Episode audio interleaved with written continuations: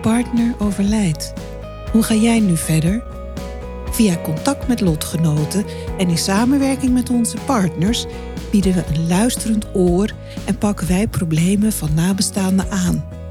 Wij leveren support voor jou na het verlies van je partner, ongeacht de vorm van je relatie of je seksuele voorkeur. In onze podcast Widow Talk praten we over ons verlies en interviewen we andere weduwen, weduwnaars en bedrijven die nabestaanden helpen hun leven weer op orde te krijgen. Welkom, fijn dat je luistert.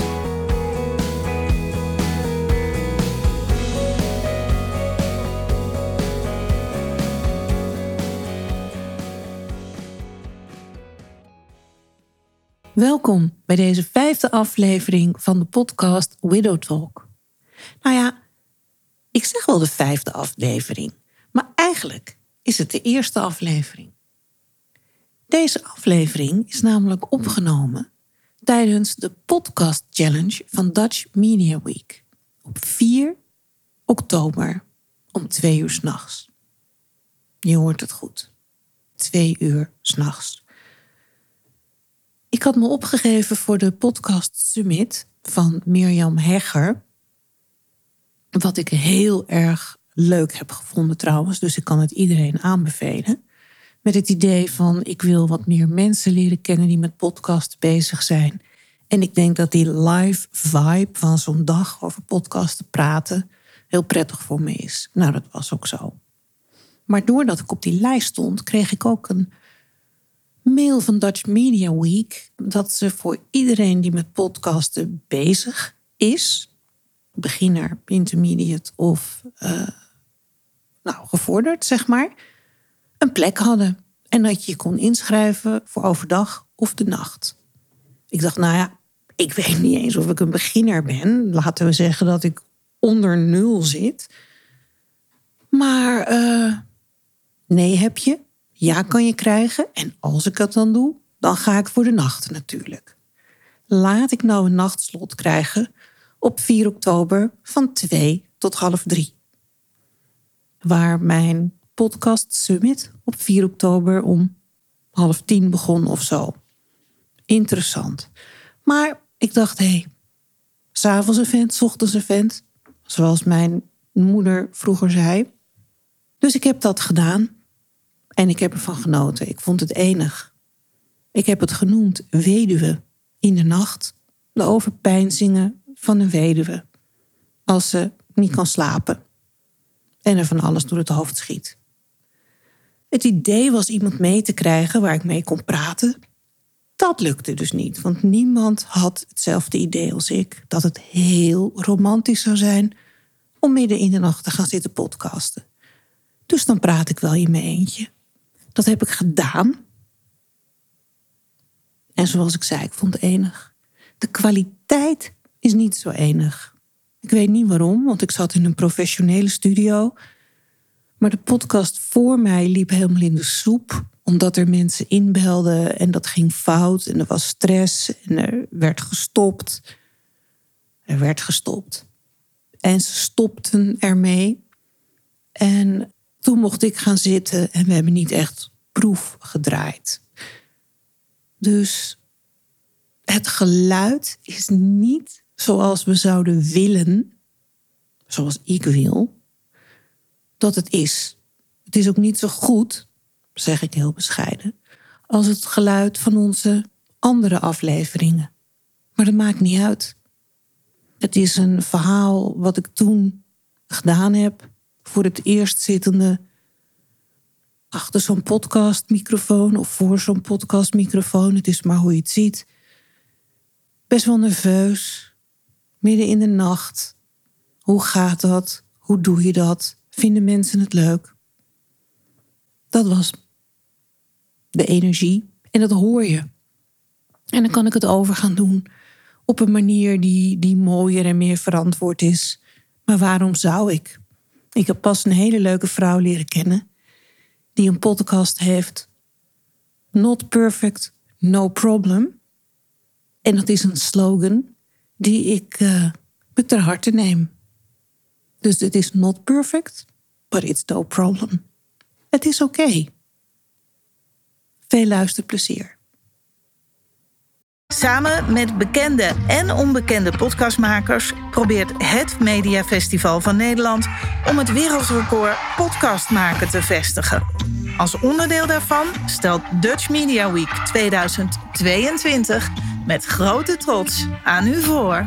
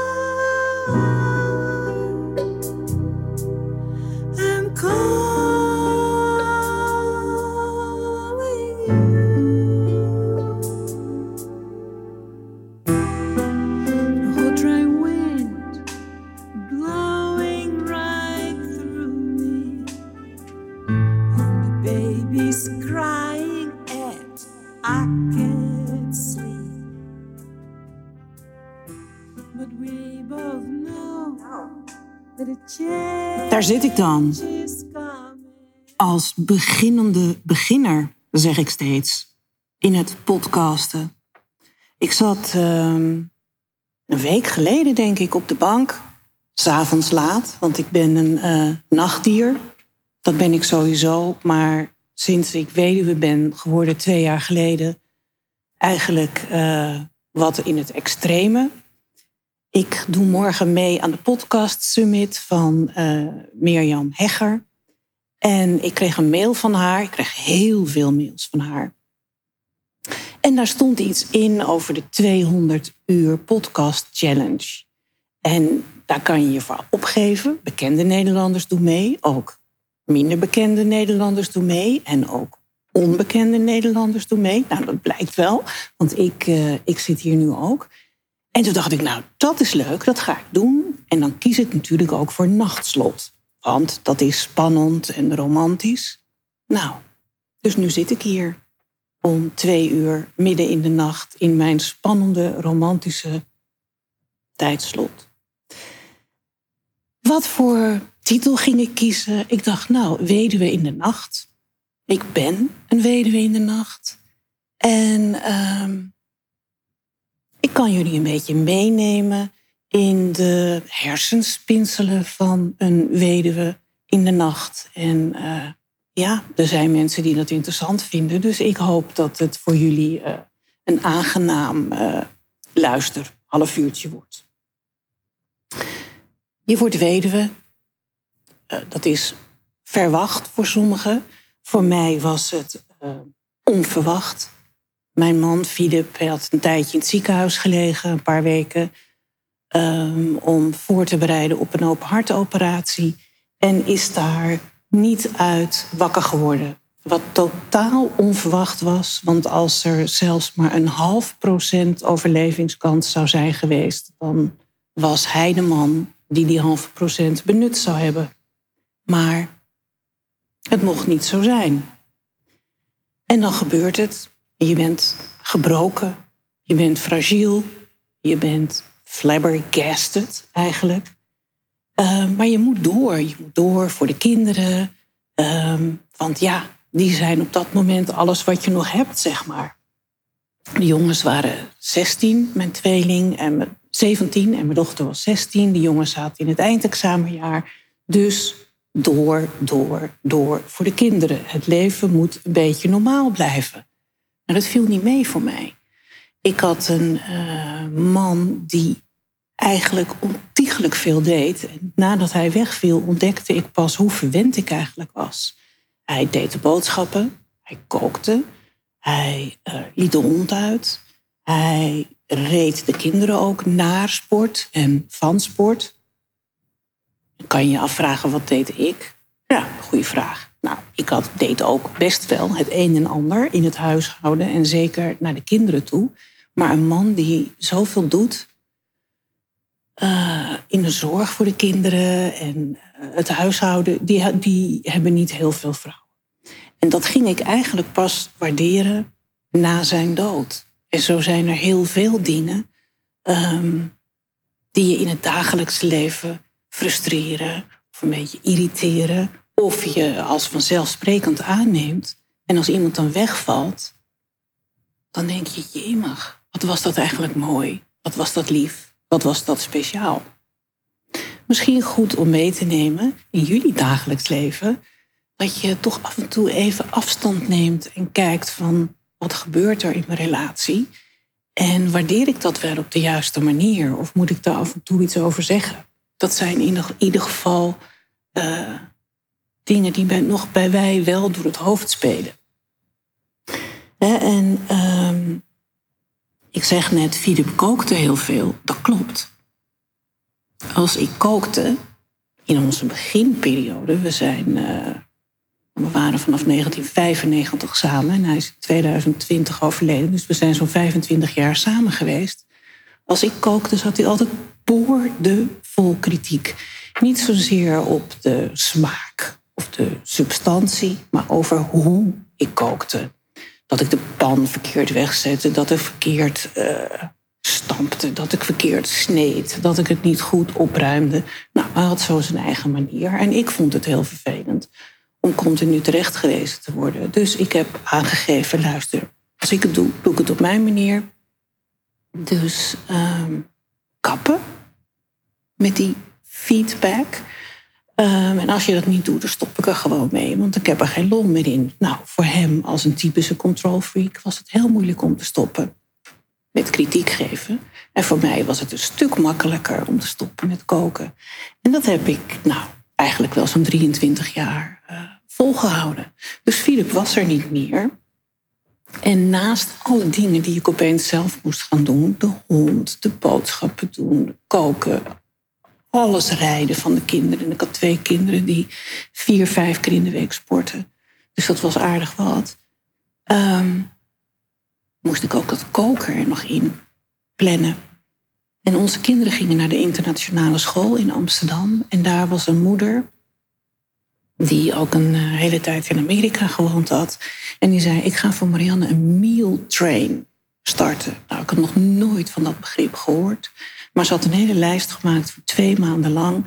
En iedere dag schreef daar iemand op in. En die zei, vandaag ga ik eten bij Marianne brengen. Het was uh, COVID-tijd. Dus uh, je werd niet geacht om mensen aan huis te ontvangen. Maar iedere dag om zes uur ging de bel en dan stond er een grote tas bij ons op de stoep. Met de heerlijkste gerechten. Vaak nog met voorgerechten en toetjes erbij. Dus toen dat na twee maanden afgelopen was, uh, heb ik wel even een traantje gelaten. Omdat ik dacht, jemig, dit, dit zijn echt twee maanden geweest waarin ik nog nooit zo goed heb gegeten. Maar wat dierbaar is dit eigenlijk. Uh, koken voor een ander en dat brengen zonder er iets voor terug te verwachten, maar gewoon omdat je iets voor iemand wil doen. Ik uh, heb dat enorm gewaardeerd. Dus Masja, als jij luistert, want jij hebt dit georganiseerd. En alle mensen die daar meegedaan hebben, heel erg bijzonder en heel erg lekker. Ja, en daarna moest ik het weer zelf doen en ben ik als de sodemieter overgestapt op HelloFresh. Simpel, makkelijk, alle spulletjes worden thuisgebracht en hele duidelijke recepten. En dat doen we nu nog steeds, twee jaar later. Als weduwe moet je niet alleen opeens gaan beslissen, in mijn geval, uh, wat gaan we eten, maar je moet over van alles en nog wat beslissingen nemen. Terwijl je daar helemaal geen zin in hebt, helemaal niet klaar voor bent en al helemaal niet op zit te wachten. En er zijn er ook nog allemaal mensen die daar mening over hebben en vinden dat ze die aan jou moeten vertellen. Dat begint natuurlijk al uh, na de dood van je partner. We leven met u mee, mevrouw. Het is vreselijk dat hij de operatie niet heeft overleefd. U mag nu in de familiekamer gaan zitten met de mensen uh, die bij het afscheid waren van uw man. En uh, u heeft de kamer nog een uurtje. Ik zeg, ja, maar wat, wat doe ik na dat uurtje?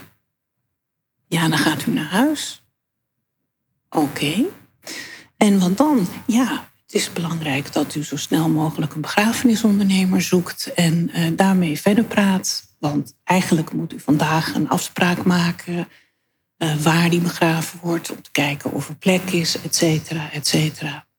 Heel veel beslissingen. Je hoofd staat er helemaal niet naar. Blik op oneindig. Ademhalen en doorgaan. En dan ben ik nog eh, in een vorig leven uh, eventmanager geweest, beursmanager, bedenken van nieuwe beursconcepten, eigenlijk over de hele wereld. Altijd een organisator geweest. En opeens moet je een uiterst belangrijk event in je leven organiseren en je hebt geen idee hoe je het aan moet pakken. Al die beslissingen. Ik had een fantastische uitvaartondernemer gevonden via via. En mensen om me heen, een vriendin die me ook, uh, Jessica, die me ook heel erg heeft bijgestaan daarin. Maar ja, het is nogal wat. Wat me ook bijstaat en waar ik nog wel eens over nadenk, zo midden in de nacht en dus ook nu, is uh, je weet dat iemand dood is. Je hebt van iemand afscheid genomen. Je hebt iemand um, je hebt de kist in de grond zien zakken. Of uh, je weet dat uh, iemand gecremeerd wordt, wat in het geval van Philips zo was. Dat weet je. Je bent een week lang bezig geweest met het regelen van de uitvaart. En uh, wij gingen daarna bij Loetje eten. En Ide, Ide Hoorn, onze uitvaartondernemer, had een reservering voor ons gemaakt. Loetje, dat, dat, dat was, is een soort standaard uitje in ons gezin. Er was een tijd dat we iedere vrijdagavond bij Loetje gingen eten. Met vrienden vaak. En uh, het leek dus heel passend om met die vrienden, na, met Sascha en Alexander en hun kinderen, na de uitvaart bij Loetje te gaan eten. En we komen daar. En ik zeg tegen die meneer die dan bij zo'n tafeltje staat om uh, te kijken of je gereserveerd hebt, want dat is daar natuurlijk altijd nodig zeg ja, we hebben gereserveerd. We hebben een tafel voor uh, vijf kinderen en vier volwassenen. En mijn ene zoon, die het altijd beter weet, begint er een beetje tussendoor te blaten en te mompelen tegen mij. Tenminste, ik vond het mompelen natuurlijk niet. Ik denk, jemig man, laat me dit nou gewoon even doen. Dus ik zei van, joh, hou je snater, staat daar een kindertafel voor vijf personen. Nee, zegt die mama, je zegt het verkeerd. Je hebt niet een tafel voor vier personen. Je hebt een tafel voor drie personen. Ik zeg drie personen? Ja, drie personen. Sascha en Alexander zijn twee. En ik ben nu één. En dat zijn van die hele rare momenten dat je denkt, hoe kan dit? Hoe kan dit? Ik heb net alles geregeld. We hebben het afscheid genomen. Het kan niet duidelijker zijn. En mijn brein wil er nog niet aan. Hele rare ervaring. Um, er bestaat zoiets als een widow brain. Nou, daar heb ik ook absoluut last van. En wat is dat widow brain? Dat widow brain maakt eigenlijk dat je een beetje vaag en afwezig bent dat je dingen niet doet die je eigenlijk wel zou moeten doen. Dat je dingen niet onthoudt. Het gaat je ene oor in en je andere oor uit. Je leeft zonder echt bewust te zijn van wat je doet en waar je mee bezig bent. Je zit op de automatische piloot. En het widowbrain is een bestaand fenomeen. En soms vraag ik me af, is dit nog widowbrain? Of misbruik ik nu het widowbrain omdat het eigenlijk ook wel lekker is om dan te kunnen zeggen: ja, maar ja, man is overleden en ik ben nog een beetje in de war. Of ik weet het allemaal nog even niet zo goed. Ja, dat widowbrain. Ja, dat is de vraag. Het is in ieder geval iets waar ik veel last van gehad heb. En nog wel een beetje tussendoor. Ehm, als je partner overlijdt, merk je eh, dat je in heel veel dingen afhankelijk geworden bent van je partner.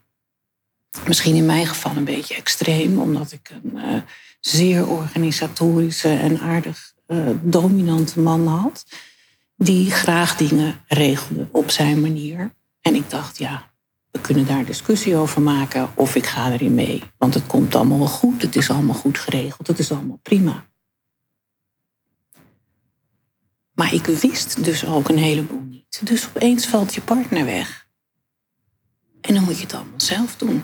Maar ik weet helemaal niet hoe het zit. Ik wist niet eens hoe, waar we ons uh, licht, water en gas vandaan haalden. Waar waren we aangesloten? Welke bankrekening hadden we? Welke pincodes hadden we? Waar was de boot verzekerd? Geen flauw benul. Philip regelde alles en dat deed hij goed. Dus never change a winning team. Tot je in je eentje het team bent en merkt dat je helemaal niet weet hoe dingen moeten wat er bij ons gebeurd is, heeft er wel voor gezorgd dat bij ons in de vriendenkring een aantal mensen zeiden: Jemig, wij moeten echt zaken beter gaan regelen. Meer informatie delen of een goede map maken, zodat als ik wegval, dat de ander weet hoe de zaken zitten. Bij mij is dat een, uh, enerzijds een hele steile leercurve geweest, en anderzijds ook weer een hele uh, trage, omdat ik sommige dingen gewoon weigerde te doen twee jaar later. En ik heb nog een heleboel abonnementen niet uh, opgezegd of uh,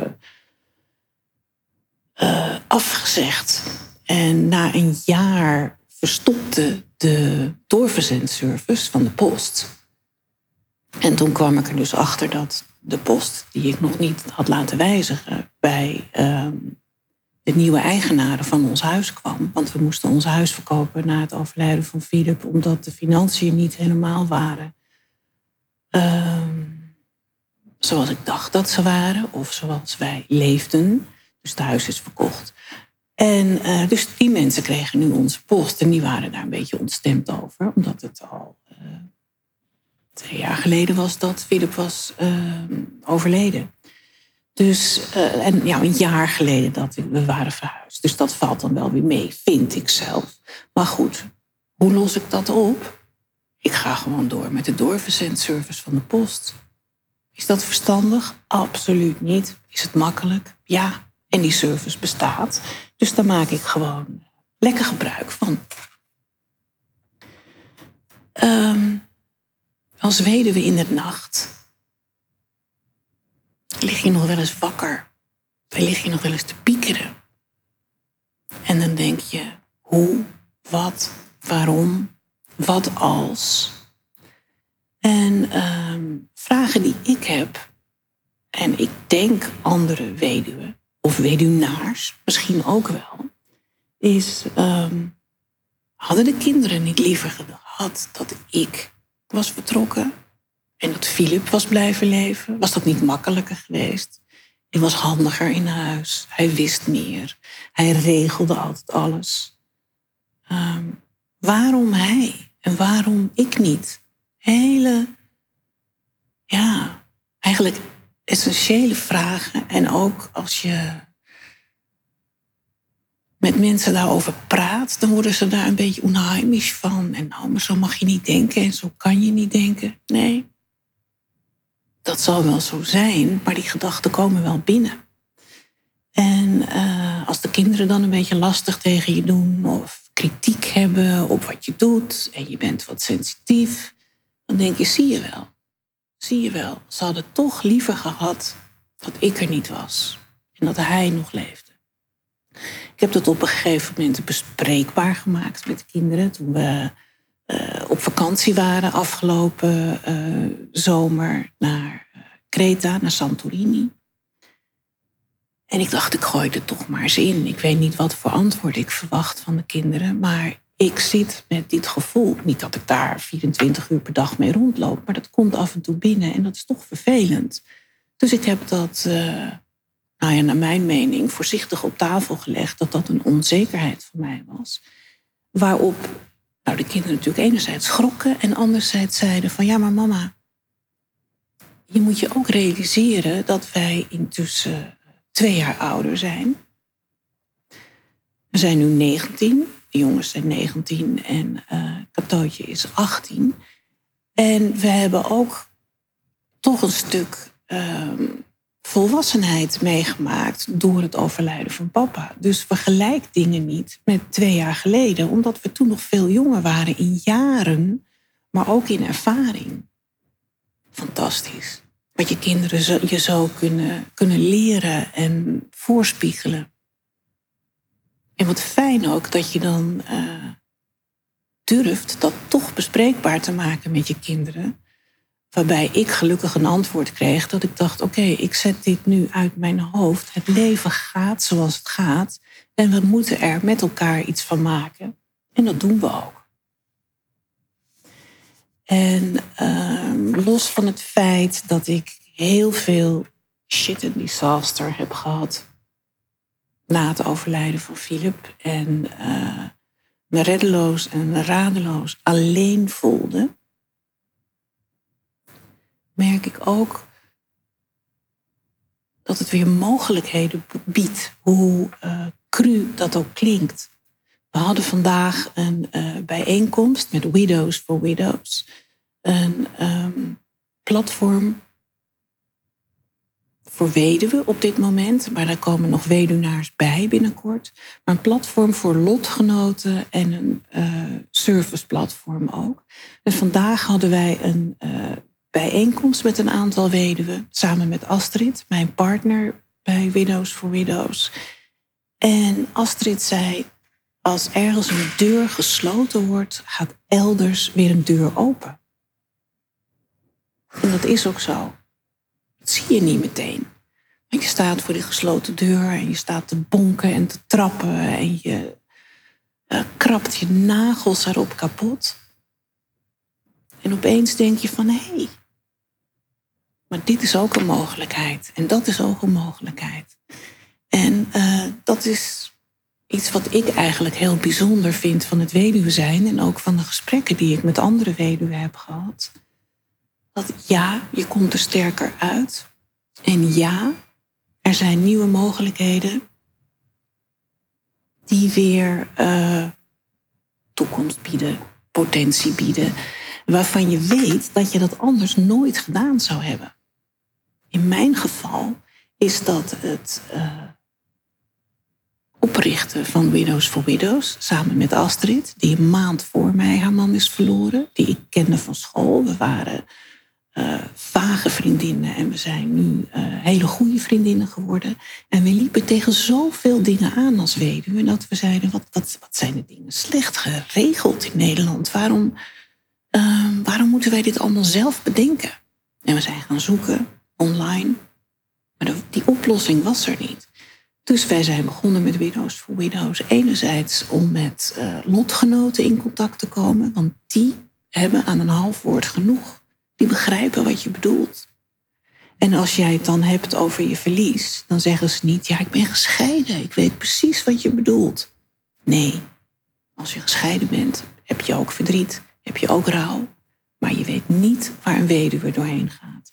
En helemaal niet als die weduwe kinderen heeft, want dat blijft je confronteren. Die kinderen hebben geen vader meer.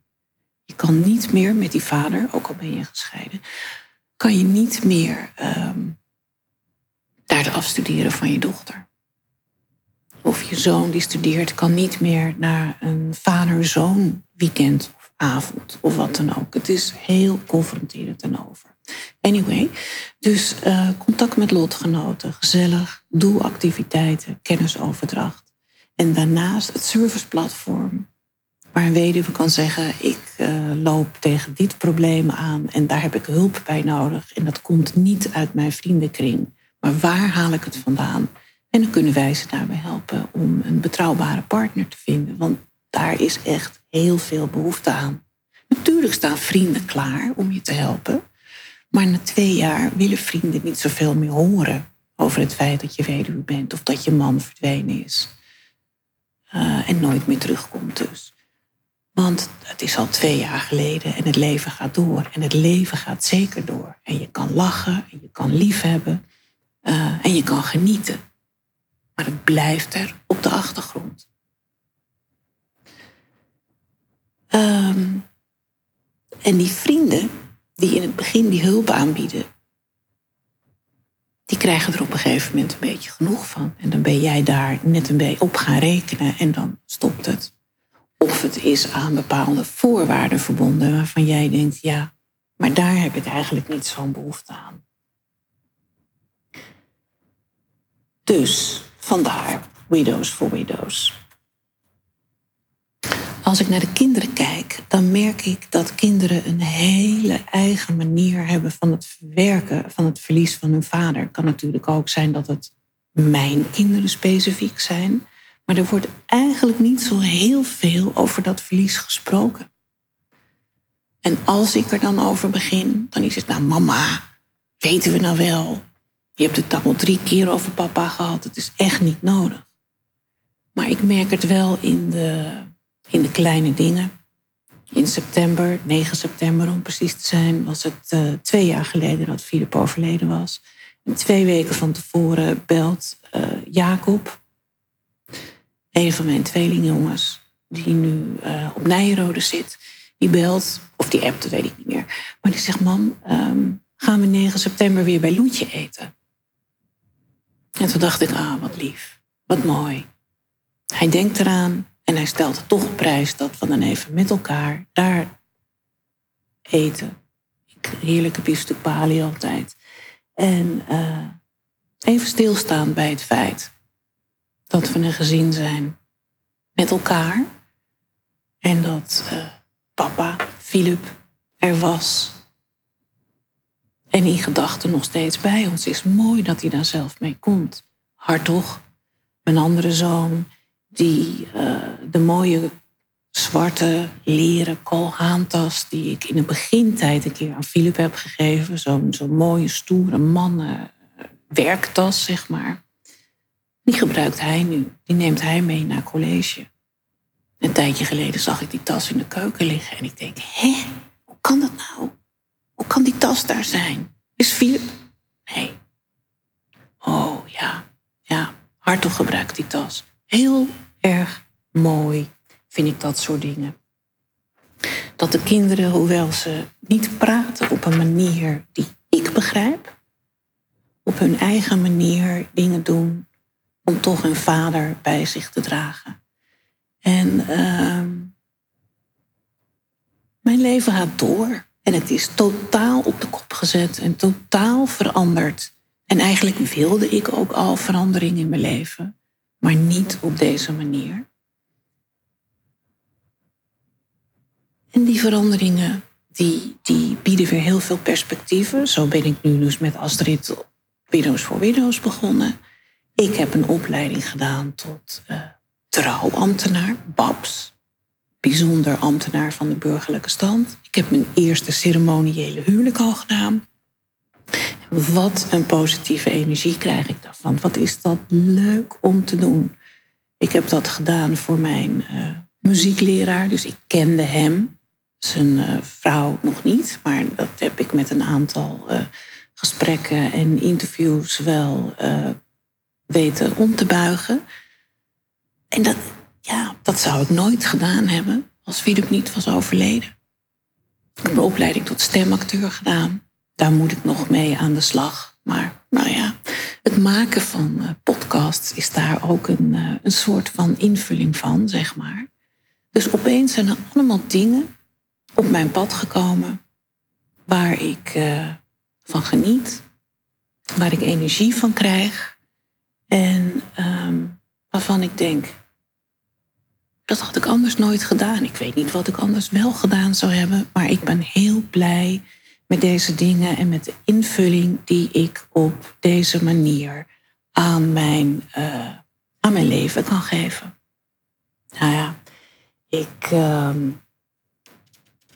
ik kan eigenlijk nog een, nog een hele tijd verder praten, maar ik heb het idee dat mijn half uur er bijna op zit.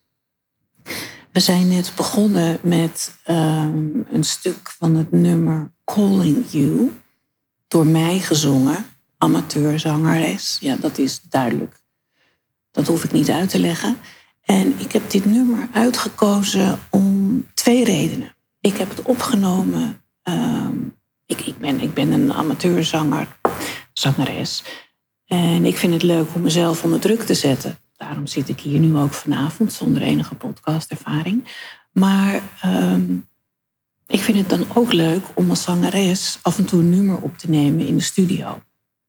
Dat is echt heel erg spannend, vind ik. En dat doe ik dus regelmatig. Ik zing sinds een aantal jaar. En dit nummer, Calling You, heb ik opgenomen het weekend voor Philip is overleden. En Philip was altijd best wel trots terecht of onterecht, dat is discutabel. Maar uh, op mijn uh, zangprestaties en dit nummer heb ik hem nooit kunnen laten horen. Want toen ik het kreeg, was hij er al niet meer. En uh, dit is ook gedraaid op zijn uitvaart. En ik vond het eigenlijk ook wel passend om dat nu te doen. Omdat het nummer Calling You ook wel heel veel gebruikt wordt om te, aan te tonen dat je contact met iemand wil hebben waar je eigenlijk geen contact mee kan krijgen. Die er niet is voor jou, op wat voor manier dan ook. En uh, dat is in mijn geval natuurlijk ook zo. En Filip en ik waren het bijna nooit eens. Waren het eigenlijk structureel oneens. Wij zijn onze relatie begonnen met een discussie. En uh, dat hebben we 25 jaar uh, voortgezet.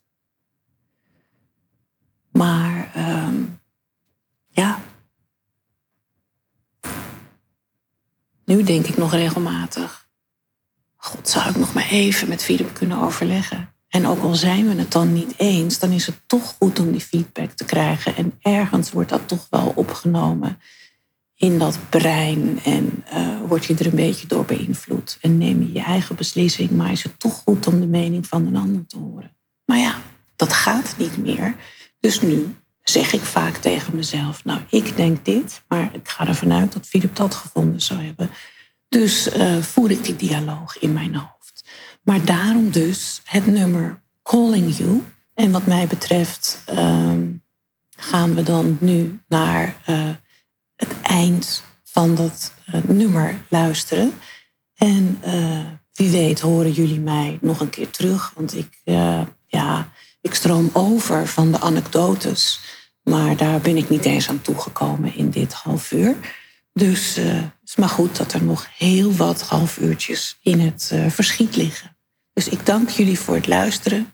Tips over wat uh, niet te doen de volgende keer of wat mee te nemen de volgende keer, kunnen jullie altijd aan me doorgeven. Daar sta ik heel erg voor open. En dank je wel voor het luisteren.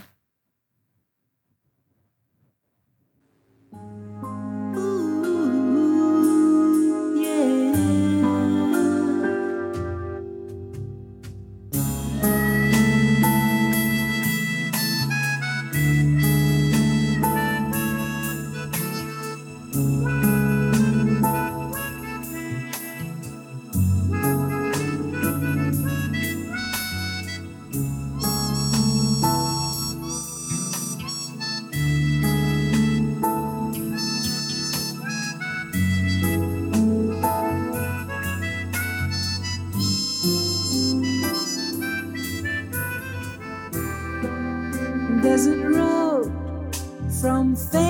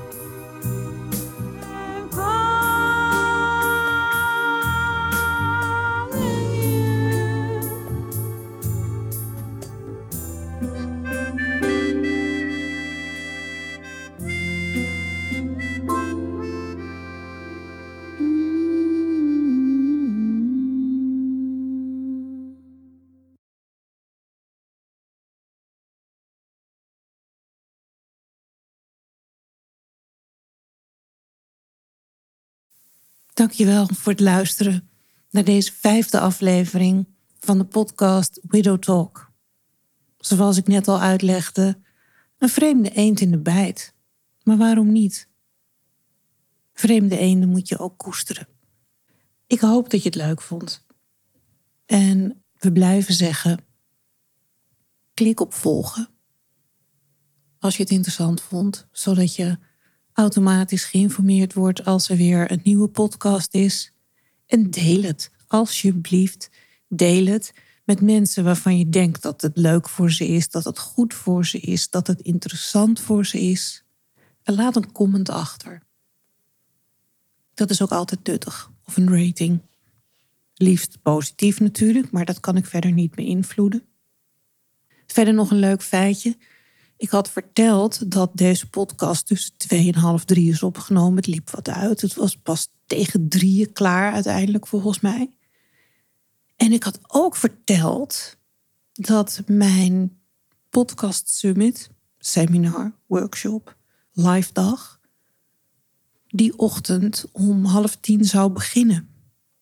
Ik had gedacht, ik ga niet naar huis rijden, want dan ben ik half uur heen aan het rijden. Dan ga ik mijn bed zien, dan moet ik weer douchen en dan moet ik weer een half uur terugrijden. Dat heeft geen enkele zin.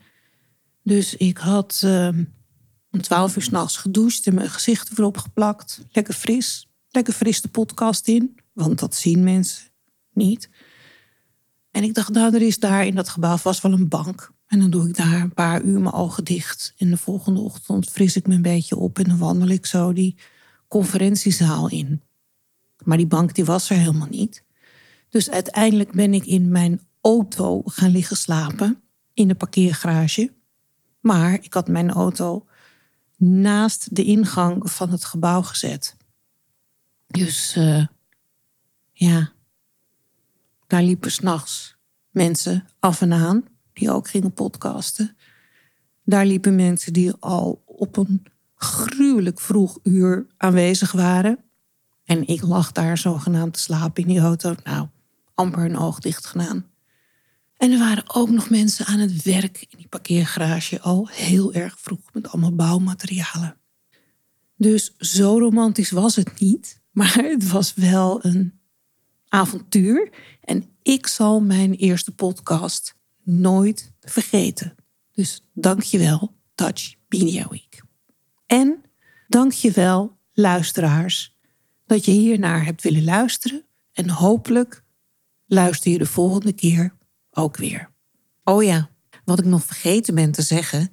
In deze aflevering, aflevering 5 van de podcast Widow Talk, heb ik het steeds over Widows for Widows. Dat is waar Astrid en ik mee zijn begonnen.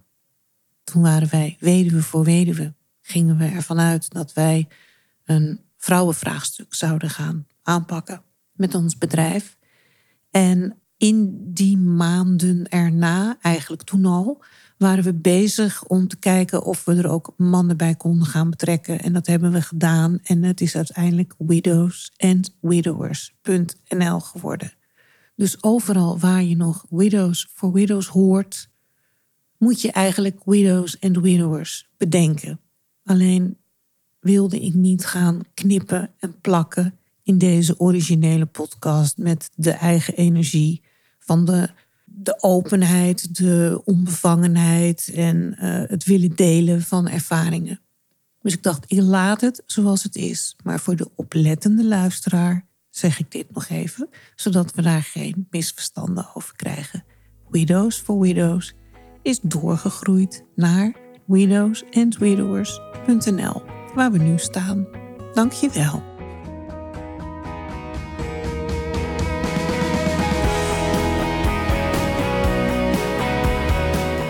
Dank voor het luisteren naar deze aflevering van Widow Talk. Als je meer wil weten, ga naar de website widowsandwidowers.nl of klik op de link in de show notes.